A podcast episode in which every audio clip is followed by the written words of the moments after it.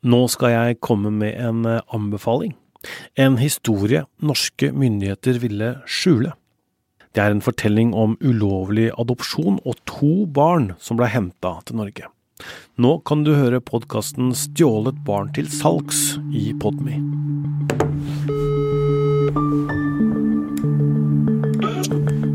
Hei. Hei. Du, eh, nå skal du høre. Nå har det skjedd noe, eh, noe litt rart her. Ja. Det er så mange løgner. Det er så mange som holder tilbake sannheten.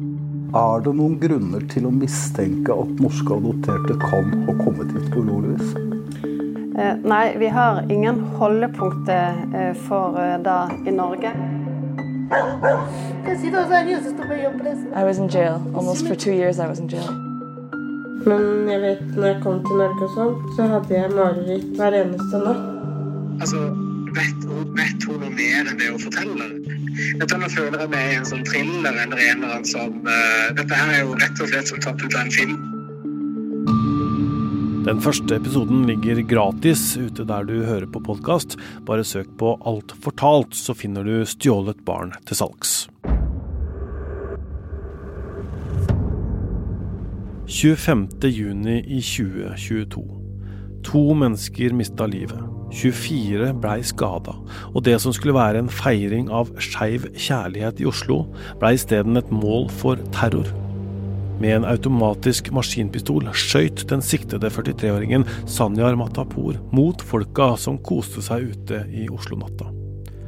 Nå stiller sikkerhetstjenesten selv spørsmålet kunne angrepet vært stoppa? Jeg heter Tor Erling Tømt Ruud, og dette er Krimpodden i VG.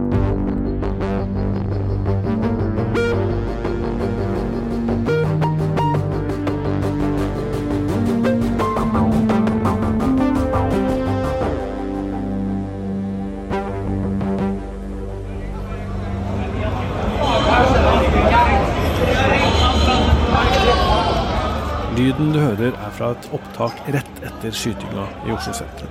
Det var kaotisk i gatene. Et angrep som sjokkerte Norge. I vår egen hovedstad. En by der man skal føle seg trygg. Da utestedet Per på hjørnet blei åpna igjen, så uttrykte lederen der at det var tomt. Kjære alle sammen. Før vi åpner dørene her i dag, så vil jeg lese tekst fra oss Per på hjørnet.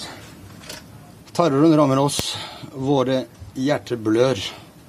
Vi er utrolig slitne, lei oss og veldig preget av dette. Dette er veldig vanskelig for oss alle, og vi trenger ro for å håndtere det, alt dette. På veien utafor barene Per på hjørnet og London pub blei det malt på asfalten i regnbuens farger. Store strøk med farger for å vise solidaritet og støtte. Samtidig ønska man svar på hvordan noe sånt kunne skje. Visste ikke noen noe? Det finnes en historie som VG nå kan fortelle, om et ukjent terrorvarsel. Et terrorvarsel som kom til en agent på oppdrag for Etterretningstjenesten. Denne personen, denne agenten, var spydspissen i en undercover-operasjon. I denne operasjonen utga agenten seg for å være en leder i terrororganisasjonen Den islamske stat, IS. IS er kjent for å være særlig brutale, og det var spesielt gjennom krigen i Syria at IS blei berykta og frykta. I tillegg var det mange fremmedkrigere som slutta seg til gruppa, annet fra Norge. De, både kvinner og menn, reiste til det krigsherjede landet for å danne en egen stat der. Men tilbake til agenten som arbeida for E-tjenesten. Opplysningene personen mottok, gjorde at alarmen gikk. E-tjenesten varsla videre til Politiets sikkerhetstjeneste, PST. PST har med det som skjer i Norge å gjøre, trusler på norsk grunn. Det er det samme som FBI i USA. Etterretningstjenesten tilhører Forsvaret og jobber med trusler mot Norge fra utlandet, eller trusler mot norske styrker i utlandet, sånn som CIA i USA. Men hva var det undercover-agenten fikk vite? Hvorfor blei det slått alarm? Krimjournalist i VG, Morten Skorve Hopperstad. Hva var det egentlig som skjedde da denne agenten utga seg for å være en lederskikkelse i IS? Nei, her har eh, Etterretningstjenesten mest sannsynlig hatt en, en operasjon som har pågått eh, en stund. Uh, hatt en dialog med en islamist som de vet hvem er. Og 19.6 så, så kommer islamisten med informasjon som, som, får agenten til å reagere. Det islamisten forteller da, er at det er en bror som, som planlegger et angrep i Skandinavia og Norge. Og bror, det blir da en, en, en kamerat eller et eller annet sånt? Ja. ja det kan, jo, det kan man kalle det. Ja. Og når man da får, eh, får, eh, denne informasjonen, pluss at denne islamisten også forteller at eh, man ønsker hjelp fra IS sin mediekanal til å få oppmerksomhet rundt, rundt angrepet etter at det er gjennomført. Islamisten sier ingenting om tid, sted, hvem som skal gjennomføre, hva er målet. Um, slik at, at, her er det en jobb å gjøre for Politiets sikkerhetstjeneste, som da får disse meldingene oversendt fra Etterretningstjenesten. Ja, for det er snakk om meldinger her. Hvordan, eh, hva slags meldinger er det? Du, det, de kommuniserer på en, en kryptert uh, kommunikasjonsplattform som har en mulighet i applikasjonen til at meldingene slettes etter, etter 30 sekunder. Den er da påslått, slik at uh, agenten er da nødt til å, å sikre dialogen ved å ta bilder Eh, mest sannsynlig med en eh, telefon nummer to. Eh, slik at man får da sikra og dokumentert dialogen til en eventuelt straffesak. Og da kommer det altså informasjon om at det skal skje noe. Et angrep i Skandinavia, ikke Oslo. Oslo blir ikke nevnt, og så har vi, vi forstått gjennom jobben vi har gjort nå den siste tiden, at, at Norge mest sannsynlig er, er uh, spesifisert. Mm.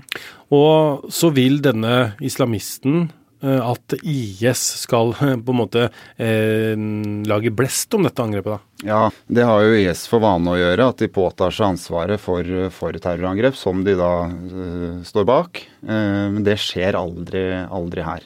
Nei. Når du da har jobba med denne saken her, Morten, hvordan vil du på en måte beskrive den informasjonen som kommer da inn til PST til slutt?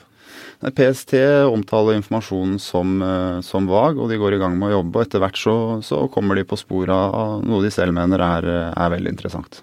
Nettopp. PST, altså sikkerhetstjenesten, jobba med å finne ut hvorvidt planen var reell, og hvem som i så fall sto bak. De hadde ikke nøyaktige opplysninger om sted, tid eller navnet på den eller de som skulle gjennomføre et mulig angrep. Men de kom på sporet av et nettverk rundt ekstremisten Arfan Bhatti, og han har du kanskje hørt om før. Den terrorsikta, Sanyar Matapour, altså han som skøyt i Oslo sentrum, var en del av dette nettverket til Bhatti, får VG opplyst. Matapour nekter straffskyld, og har heller ikke ville la seg avhøre. Arfan Bhatti er også sikta i forbindelse med terrorskytinga, men han er ikke i Norge. Hans advokat Svein Holden sier at Bhatti benekter straffskyld. Sakens dokumenter er klausulert, jeg har derfor ikke anledning til å kommentere VGs påstander, sier Holden til VG. Men hvem er egentlig Arfan Bhatti? En eh, godt kjent eh, person i eh, Norge, eh, og særlig for politiet. Han har en beklagelig lang kriminell løpebane bak seg. Krimpoddens reporter Hanna Espevik snakker med terror- og ekstremistforsker Lars Gule, som kan fortelle litt om hvem Arfan Bhatti er. På begynnelsen av 2000-tallet så bevegde han seg også i en religiøs retning. Det er eh, uklart eh, når han bestemte seg for å bli praktiserende muslim, som han gjerne kaller det. Men i alle fall så ser vi et klarere innslag av ekstreme islamske tolkninger og oppfatninger som utvikler seg fra begynnelsen av 2000-tallet. Det retter seg mot norsk internasjonalt eh, engasjement, og særlig Norges deltakelse i krigføringen i Afghanistan. Dette er noe eh, eh, Bhatti protesterer mot og tar initiativ til en demonstrasjon mot i 2012. Han blir etter hvert også en av de som står bak og utvikler det ekstreme islamistiske miljøet som eh, blir kalt profetens umma, og som dukker opp eh, i september 2012 i en demonstrasjon utenfor den amerikanske ambassaden. Der deltar Bhatti sammen med han som blir han er sagt daglig leder for Profetens Umma, Ubaydullah Hussein. Og vi vet at det også var en at Bhatti fungerte som en slags mentor for Ubaydullah Hussein. Andre eh, sentrale personer i miljøet eh, forteller at eh, Bhatti er en viktig person som den som holder dette miljøet sammen.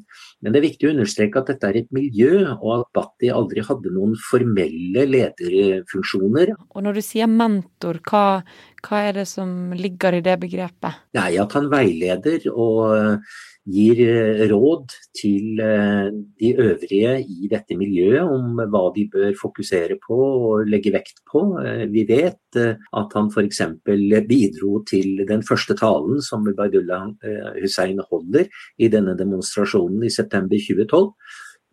Slik at med mentor så mener jeg at han, at han har en, en, en rådgivningsfunksjon. Men han, han har også en betydelig autoritet i kraft av sin kriminelle fortid, som nok har gjort at mange har hatt en beundring og respekt for han, i betydningen frykt for, eh, for han, og dette har bidratt til, eh, bidratt til den posisjonen han har eh, nå i et nytt miljø.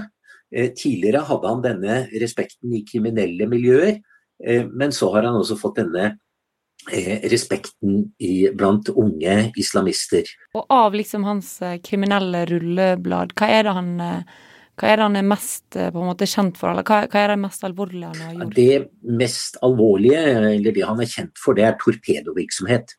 Slik at han har fungert som, som innkrever av penger for forskjellige personer. Og han har i i flere tilfeller vært eh, tiltalt for, eh, for vold, skyting. Og i 2006 så eh, faller det en rekke skudd mot eh, synagogen i eh, Oslo. Batti blir pågrepet fordi han på en reise i Tyskland tidligere i 2006 ble stoppet i Tyskland. Og da fant tysk politi i en undersøkelse av bilen hans notater som gjorde at de fryktet at han kunne komme til å gjennomføre terroranslag mot jeg tror det var fotball-VM i Tyskland det året. De fant aldri nok til å si at her forelå det konkrete planer, så Bhatti fikk reise videre. Men eh, det tyske politiet varslet norske myndigheter, og det gjorde at det ble innledet intens eh, overvåkning av Bhatti da han kom tilbake. Telefonavlytting, romavlytting, av bilen ble avlyttet osv. Og, og det gjorde at eh, PST satt på veldig mye informasjon hvor det var mye prat eh, med andre Eh, om at man skulle gjennomføre aksjoner mot eh, både synagogen, mot eh, den amerikanske ambassade og lignende. Det viser seg likevel, etter at skuddene har falt, at man ikke kan føre bevis for at det var Battis som skjøt, så han ble dømt for medvirkning på bakgrunn av det overvåkningsmaterialet som, som forelå. Men dette ble ikke vurdert som terror. Det ble vurdert som grovt eh, skadeverk. Eh, I den samme rettssaken så blir han i første omgang i tingretten også dømt for, eh, for nettopp slike torpedoaktiviteter hvor han har løsnet skudd, eller finnes skyldig i å ha løsnet skudd mot flere, flere, hus med fare for liv hos de som befant seg i husene. Han ble senere frifunnet for disse, eh, disse eh, torpedoaksjonene, eh, i hvert fall voldsaspektet, bortsett fra én slik episode som han tilstår. Slik at det er nettopp dette voldselementet som gjør at Eh, norsk politi og PST har regnet, og fortsatt regner, Bhatti som en særdeles farlig person. Men eh, hvor farlig vil du si at eh, Bhatti er, da? Han har demonstrert eh, evne og tidligere vilje til å bruke vold. Om han er der i dag i en norsk sammenheng, det kan ikke jeg si. Eh, eventuelt så vil jo Eh, graden av planlegging som kan være involvert i bakgrunnen for skytingen sist sommer, anskaffelse av våpen og lignende, kunne si noe mer om den, si, hans, hans faktiske bidrag. Da. Men på den annen side, den siktede i denne saken har jo også et kriminelt rulleblad, og er nok ikke ukjent med hvordan han kan både planlegge Eh, en, en, forbrytelse, eh, og eventuelt også skaffe våpen til en slik eh, forbrytelse.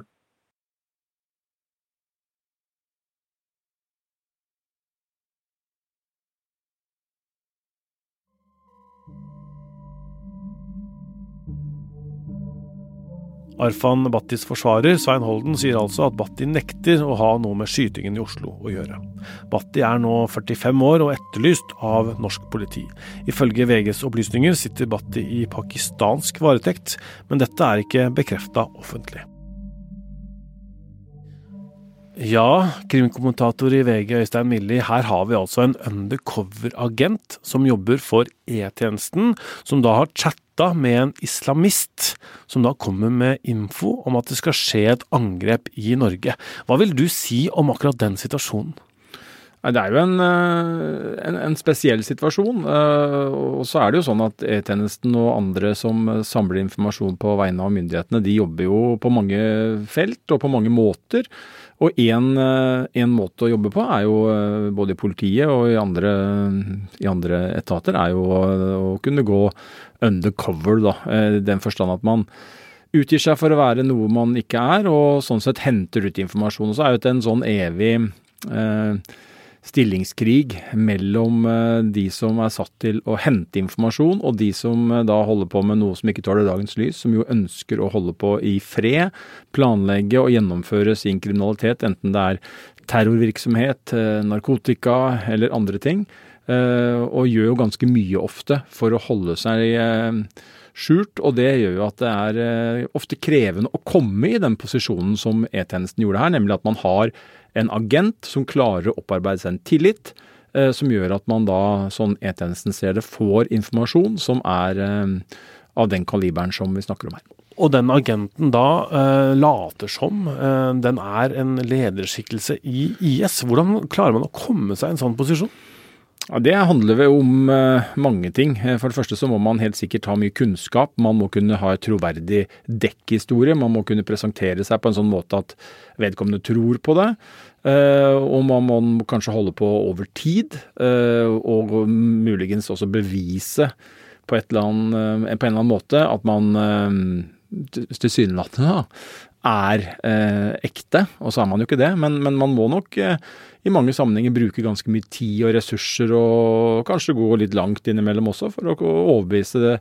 En som jeg var inne på, Eh, setter, legger mye energi i å ikke bli avslørt, og selvfølgelig er skeptisk og sikkert eh, forsiktig og ikke hopper på ukritisk. og da er dette en, eh, Da har man liksom bakteppet da, for det som uh, disse situasjonene og operasjonene ofte ofte omgis av, og det er jo at det er, eh, at det er, eh, krevende. Men selvfølgelig desto viktigere å få den informasjonen eh, for, for myndigheter. Mm. I Krimpodden-episoden som heter 'Spionene blant oss', så, så, tar vi opp akkurat dette her. Og da snakker vi jo med en tidligere spion, faktisk, som, som forteller litt om hvordan han jobba. Eh, men her har vi altså en situasjon. Vi veit at to mennesker blei drept. Ehm, i denne skytingen utafor utestedet Per på hjørnet og London pub. Var det det angrepet som det kom info om? Det var jo eh, ikke spesifikk info. Eh, det var eh, informasjon om at det kunne komme et terrorangrep, men man visste ikke sted og man visste ikke tid. Og så er det jo kanskje viktig å si nå klart og tydelig at denne tragedien eh, like bak eh, her vi sitter nå, har blitt kalt for både barskyting og, og andre ting. Jeg tror vi nå, fra nå utvilsomt kan slå fast at dette var en terroraksjon. Det har jo vært eh, eh, diskusjoner, og vi vet at politiet på et tidspunkt var inne på dette med psykiatri, psykiatri, psykiatrisporet. Men, eh, men, sånn som denne saken står nå, og sånn politiet nå ser den, og ut fra det man har gjort av foretatt seg av siktelser og, eh, og det man har presentert av informasjon her, så er det ikke tvil om at dette er et eh, terrorangrep som rammet oss eh, i, i sommer. Men var det det som det kom info om, da, litt uh, på forkant? Nei, og det er det som er problemet. ikke sant? At, og det For alt jeg vet, så vil det kanskje peke tilbake igjen på det jeg sa. Uh, at man er veldig varsom. Man er veldig forsiktig. Og man vet jo at jo mer konkret informasjon man gir om noe som skal skje, jo større er muligheten for at man får stikke kjepper i hjulene. og det Eh, kan være noe av grunnen til at man eh, ikke velger å si sted og tid. Kanskje en annen eh, sammenheng så kan man velge å, å villede ved å si feil sted, feil tid. Det har vi jo sett i andre sammenhenger, at politiet er opphengt i noe annet. Og så skjer det noe et helt annet sted fordi man avlednings, en avledningsmanøver. Og det tror jeg nok, så, så her var jo informasjonen det, og det må man jo det må man jo understreke i dette bildet når man Ja, det kommer en del kritikk, og det kommer spørsmål, og det er folk som lurer på, helt eh, naturlig, om norske myndigheter burde gjort mer, kunne gjort mer så er det jo en del av bildet selvfølgelig at denne informasjonen ikke var eh, noe sånn voldsomt konkret. Vi skal straks høre med PST sjøl, men eh, hvem var det som da var involvert i dette her nå? nå han som ble pågrepet på stedet utenfor eh, Per på hjørnet der, han er jo sikta. Og så er jo Arfan Bhatti, som ikke er i Norge, men eh, befinner seg i et annet land, han er også sikta. Hva, hva mer veit du om de involverte? Nei, Al-Fambati er jo et uh, godt beskrevet blad, uh, som jo uh, norsk politi har jobba aktivt mot i veldig, veldig mange år, og som de har knytta til forskjellige hendelser. Og så har han blitt dømt for noe og frikjent, eller at etterforskning har blitt lagt ned på andre forhold. Så um, er det jo det at man eh, når det gjelder Matapol altså, og, og, Batti, så vet man jo, som vi har snakka om her før, at man eh, stoppa disse to sammen i en bil eh, en måned eller to i mai, tror jeg det var, før sammen. Og de hadde da en, en kniv. Uten at Altså, det, en kniv er jo allemannseie og altfor mye av, dessverre, rundt på gata i både Oslo og andre steder. Men, eh, men, men, men, det hadde man jo som eh, Det visste man jo. Og det er jo et av de spørsmåla som man nå, når man vet hva som politiet mener har skjedd Reiser, reiser er jo om, om man burde ha Hva hadde skjedd hvis man hadde kobla ned informasjonen? Hadde man kunnet klart å, å tenke at det er det er snakk om terrorangrep. Hvilke hva si, hvem, hvis vi ser på hvem som kan stå bak, kan man, hvilke arrangementer eller hvilken sammenheng kan man tenke seg å ville ramme? Eh, og er det mulig å på en måte eh, overvåke disse personene på en måte sånn at man kunne forhindre det som hadde skjedd. Og så må vi jo si at det å overvåke noen er selvfølgelig regulert gjennom både lover og regler, og det er ikke bare å sette i gang telefonavlytting og tracke GPS med bil og romavlytting osv. Det krever jo rettslige kjennelser. Og for å få en rettslig kjennelse så kreves det et mistankegrunnlag, og det mistankegrunnlaget må ha en viss styrke. Eh, og hvis vi ikke skal ha det sånn, så må vi gjøre om eh, lover og regler og det samfunnet vi alle på en måte direkte eller indirekte gjennom at vi stemmer ved valg, er med på å forme. Så det er jo store spørsmål, da, hvis man tenker at man kunne ha hatt lavere terskel for å avlytte folk, f.eks., eller for å Eh, gjøre inngripende tiltak eh, i privatlivet for å avdekke sånne ting, så, så har jo det en kostnad som handler om at det blir et mer overvåkningssamfunn enn det vi har i dag. Mm. Men du har denne situasjonen, da. E-tjenesten, Forsvarets e-tjeneste, de får informasjon. De gir den videre til Politiets sikkerhetstjeneste. Men hvor går den eh, informasjonen derfra? Nei, det er det som er, at den går jo ikke videre. Eh, den stopper jo der. Eh, og det er jo det er noe av diskusjonene mellom eh, altså Det pågår nå diskusjoner både sikkert eh, lukka for oss, men også i offentligheten rundt eh, både E-tjenesten og PST og Oslo-politiet da, om hvordan informasjonsstrømmen har vært og burde vært og kunne vært.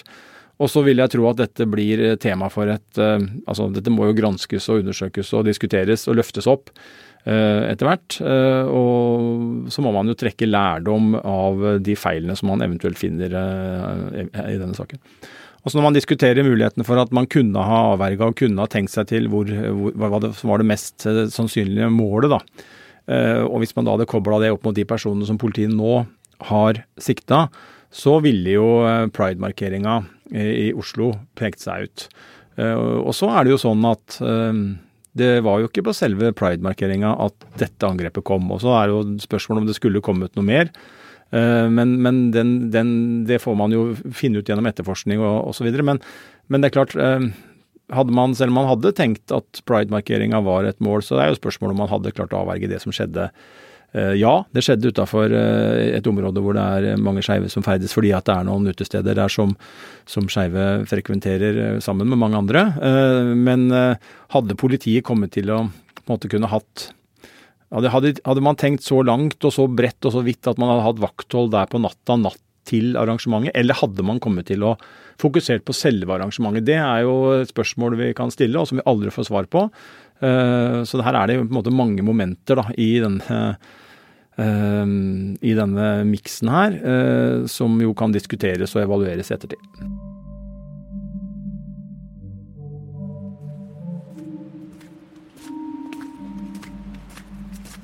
PST, Politiets sikkerhetstjeneste, holder til i Nydalen i Oslo. Og nå går jeg dit for å snakke med assisterende sjef der, Hedvig Mo.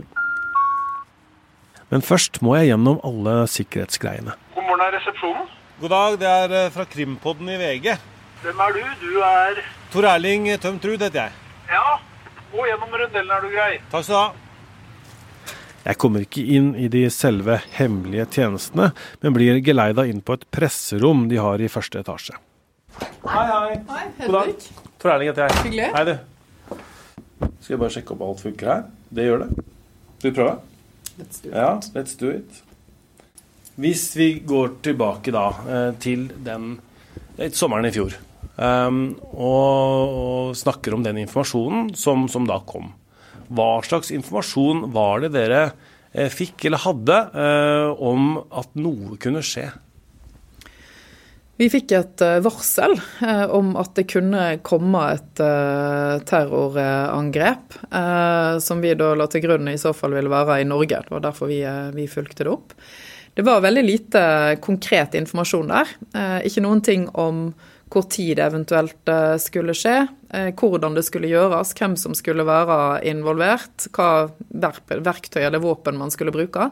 Men eh, for oss var det et varsel som vi tok alvorlig. Vi får jo veldig mange sånne varsler egentlig i løpet av en, en måned og ei uke. Og folk sitter hos oss og ser på det daglig og vurderer er dette noe vi skal legge vekk, er det noe vi skal følge opp. Veldig mange sånne varsler blir jo egentlig lagt vekk etter en vurdering hos oss. Men dette her eh, fulgte vi opp og jobba videre for å prøve å få mer informasjon nettopp om de punktene som vi ikke visste noen ting om. Eh, og det er jo sånn vi jobber. Eh, for å få nok info til å eventuelt kunne, kunne bruke våre metoder for å finne ut enda mer. Eh, og eh, hele tida så vurderer vi jo òg om det er noen andre som skal bli eh, informert om det vi vet. Hva var det med det varselet som gjorde at dere jobba videre? Det er vanskelig å si helt spesifikt hva det var, men, eh, men, eh, det er jo kjent at vi fikk eh, informasjon fra Etterretningstjenesten. Og Etterretningstjenesten er jo en av våre absolutt viktigste partnere, og informasjonen som kommer derfra er det jo naturlig å, å vurdere uansett uh, veldig grundig. Og så var det rett og slett uh, ting ved det ganske sånn nakne varselet som gjorde at vi mente det var reelt, og altså tok det alvorlig, uten at det alltid er like enkelt å si akkurat hvorfor. Hva kan du si om hvordan dere jobba med dette varselet? Jeg kan si at vi jobber hardt og alvorlig med det. Det blir jo i sånne tilfeller en, en kamp mot klokka, egentlig.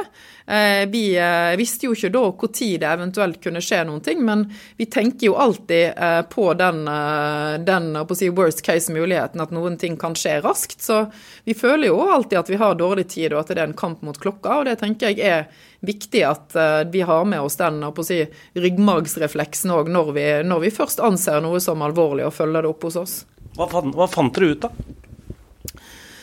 Vi fant ikke ut uh, nok til å kunne bruke det vi omtaler som, som tvangsmidler, egentlig, da, sånn politimetoder, eh, mot noen enkeltpersoner. Og Der er det jo en del vilkår som skal være oppfylt, og, og mange av de verktøyene skal jo først godkjennes av en domstol. Eh, for å komme til den terskelen at vi kan bruke sånne verktøy, så trenger vi å vite en del ting. Fordi domstolen skal si at ok, det er greit at dere går inn og, og bruker makt og myndigheten deres opp mot enkeltpersoner, men da må vi, eh, da må vi ha trygghet for at det var, eh, dere vet nok om det til at det er riktig å, å følge opp en, en enkeltperson. Så er det jo òg sånn at uh, hvis det er noen uh, aktuelle personer som befinner seg i utlandet, uh, så er det veldig begrensa hva vi som sikkerhetstjeneste og politi kan gjøre i utlandet. Altså rett og slett det å skulle bruke disse verktøyene som jeg er inne på, det er i utgangspunktet i hvert fall begrensa til, til, Norge og det som er her, her hjemme. Så vi nådde ikke den terskelen, sånn som vi vurderte det da, for å kunne be om, om å bruke tvangsmidler som f.eks. pågripelse, ransaking osv. Og, så eh, og be om det fra, fra domstolen eh, før angrepet skjedde. Mm. Like før dette skjedde, så ble trusselnivået senket. Eh, hva kan du si om det? Vi vurderte det sånn da, at det var riktig å, å senke det ut ifra det vi visste om eh, både høyreekstremisme og ekstrem islamisme i Norge på det tidspunktet. Eh, vi senka det jo ikke til at vi mente det ikke kunne skje noen ting. Vi mente at det var ja, like sannsynlig som usannsynlig i vår litt sånn tekniske sjargong. Og så er det jo sånn at eh, Jeg skjønner at man stiller spørsmål rundt det nå i etterkant når det skjedde et angrep, men for vår del så er det jo sånn at vi kan aldri garantere at det ikke skjer terror. og det skal jo bare én eller to eller tre personer til eh, for at det faktisk blir begått terror, sjøl om eh, trusselvurderingen ligger på et lavere nivå enn i andre tilfeller, kanskje. Så det var den vurderingen vi tok da, ut ifra det helhetsbildet vi eh, satt med. Og da er det jo veldig mye mer enn enkeltpersoner som blir vurdert. Det er alt det vi ser rundt oss innenfor hele, hele terrorbildet. Men så får dere dette varselet, som dere anser som så alvorlig at dere undersøker og bruker mye ressurser på det. Og så veit dere også eh, at eh, det er eh, pride denne måneden, og at det kommer til å være tusenvis av mennesker som, som samles både i, i Oslo og andre steder. Hvordan henger det sammen da? Vi hadde jo varsla politiet i Norge generelt, inkludert Oslo-politiet, eh, i en sånn trusselvurdering som vi lager eh, på våren eh, hvert år når det er mange sånne store arrangementer, som 17. mai og for så vidt òg da pride. I den trusselvurderingen så hadde vi skrevet at nettopp sånne folkerike arrangementer som òg pride er et mulig terrormål. Sånn at på generell basis så kjente Oslo-politiet og andre politidistrikter til det. Vi hadde jo òg sagt at hvis det skulle skje noen ting, så mente vi at det ville i så fall være enkeltpersoner med det vi kaller enkle, enkle angrepsmidler, da, altså typisk kniv eller, eh, eller, skytevåpen eller noe sånt. Eh, og vi hadde sagt at eh, særlig for de høyreekstreme, eller for de høyreekstreme, så er LGBHT pluss-miljøet et mål. For ekstrem islamisme så hadde vi sagt at det er det som representerer vestlige verdier, da, som jo kan være LGHBT men, men vi hadde ikke presisert det på samme måten der. Så bakteppet var at nettopp det som, som skjedde, kunne, eh, kunne, være en trussel. Men det er helt riktig at vi vurderte det sånn at vi ikke skulle varsle Oslo-politiet eh, om det vi visste eh, da før angrepet fant sted. Hva tenker du om det nå? Jeg tenker at det var de vurderingene vi tok eh, da. Eh, så er det jo et evalueringsutvalg som skal si noen ting om de mener vi eh, burde ha gjort noen ting annerledes. Hvis de kommer fram til det, så tar jo vi det på største alvor her hos oss og skal endre oss i samsvar med det. Men samtidig så er det viktig for meg å få fram at når vi vurderer om vi skal ta en terrorbekymring videre, så er det, som jeg sa, ganske mange av de i løpet av ei, ei uke og en måned. og vi er opptatt av å skulle ha nok informasjon til å kunne eh, gi eh, Eller vi er opptatt av å ha nok informasjon til at politiet og andre kan gjøre noe med det, da, kan klare å stoppe et eventuelt eh, angrep. Og i eh, dette tilfellet her så visste vi altså ikke noen ting om eh, hvor eh, og hvordan og tidspunktet for at det eventuelt kunne skje. Men jeg tenker det er helt riktige spørsmål å stille. Uh, om vi burde ha gjort noe annerledes, og om andre burde gjort noe annerledes. For det har jo funnet sted et terrorangrep i Norge, og ett terrorangrep er ett for mye. Ja, fordi da er jo spørsmålet kunne det vært avverga? Ja, Det kunne vært avverga hvis vi i PST hadde hatt andre metoder, og vi drev mer overvåkning av folk her i landet og hadde lavere terskler for at vi kunne bruke eh, tvangsmidler, da, som vi vil kalle det, mot enkeltpersoner. Eh, det mener jeg definitivt. Men det er jo ikke det samfunnet som vi vil ha i den liberale rettsstaten Norge, og det er heller ikke sånn PST vil ha det. Spørsmålet om det kunne eller burde vært eh, unngått eh, sånn som samfunnet vårt eh, er nå, da, med de metodene og de tersklene som PST forholder seg til, det tenker jeg at det er for tidlig å konkludere med. Det er jo et evalueringsutvalg som ser på de spørsmålene nå, eh, og skal, eh, skal mene noen ting om bl.a. hvordan vi har gjort jobben vår. Der mener vi er helt riktig at de vurderer det. Hva kan PST gjøre f.eks. hvis dere får tips om at noen har skrevet noe på Facebook som, som er trusler mot andre? Hva kan dere gjøre da? Det er vanskelig å gå inn på akkurat sånn konkret hva muligheter vi, eh, vi har, for det kommer veldig an på i hva setting vi, vi ser det, eh, eh, hvordan det blir, hva som står der osv. Det er jo sånn at eh, vi skal få noen nye sånne hjemler eh, eh, til å søke mer i åpne kilder.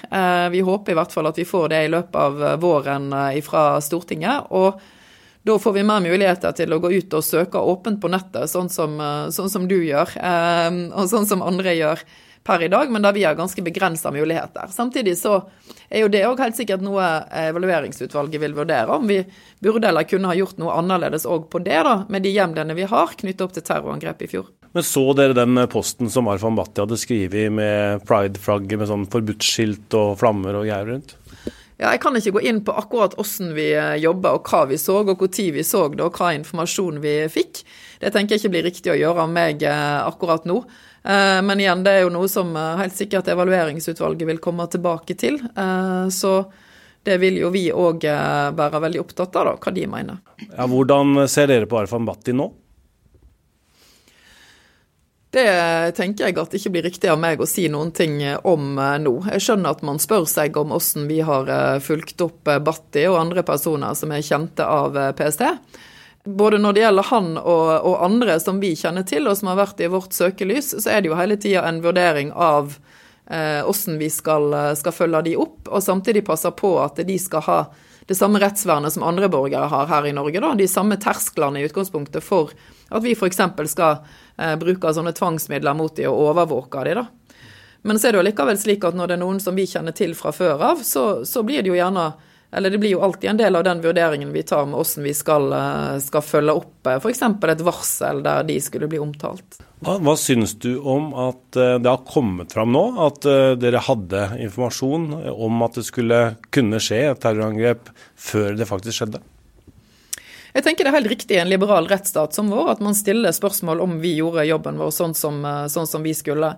Vi står i sånne situasjoner der vi får eh, varsler og bekymringsmeldinger om terror veldig mye. Det er en del av jobben vår, en viktig del av jobben vår å vurdere det. I dette tilfellet her så mente vi altså at vi ikke hadde nok konkret informasjon til å kunne eh, overvåke noen eller gå ut med informasjon til andre knytta til dette mulige terrorangrepet. og så er det jo evalueringsutvalget som eh, skal komme fram til om vi burde ha gjort noe annerledes. Er det noen trusler mot Norge akkurat nå? da? Vi vil aldri kunne garantere at det ikke kommer til å skje flere terrorangrep i Norge. Vi jobber daglig med å vurdere sånne terrorvarsler. Eh, det gjør vi i dag, og det gjør vi i morgen, og det kommer vi til å gjøre framover òg. Eh, absolutt så godt vi kan.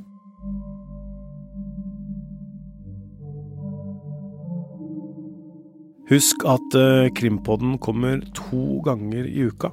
Til mandag får du høre episode to om torpedoen og gjengmedlemmet Mikael Ali. Han involverer seg mer og mer i tung kriminalitet, og hva han driver med får du høre i episoden som kommer på mandag i Podmy og VG+. Morten Skorve Hopperstad, Ola Haram, Markus Tobiassen, Gordon Andersen og Ådne Husby Sandnes har stått for journalistikken i denne episoden. Krimpodens reporter Hanna Espevik har vært med. Det har også Øystein Milli. Vilde Worren er vår produsent, og jeg heter Tor Erling Tømt Ruud.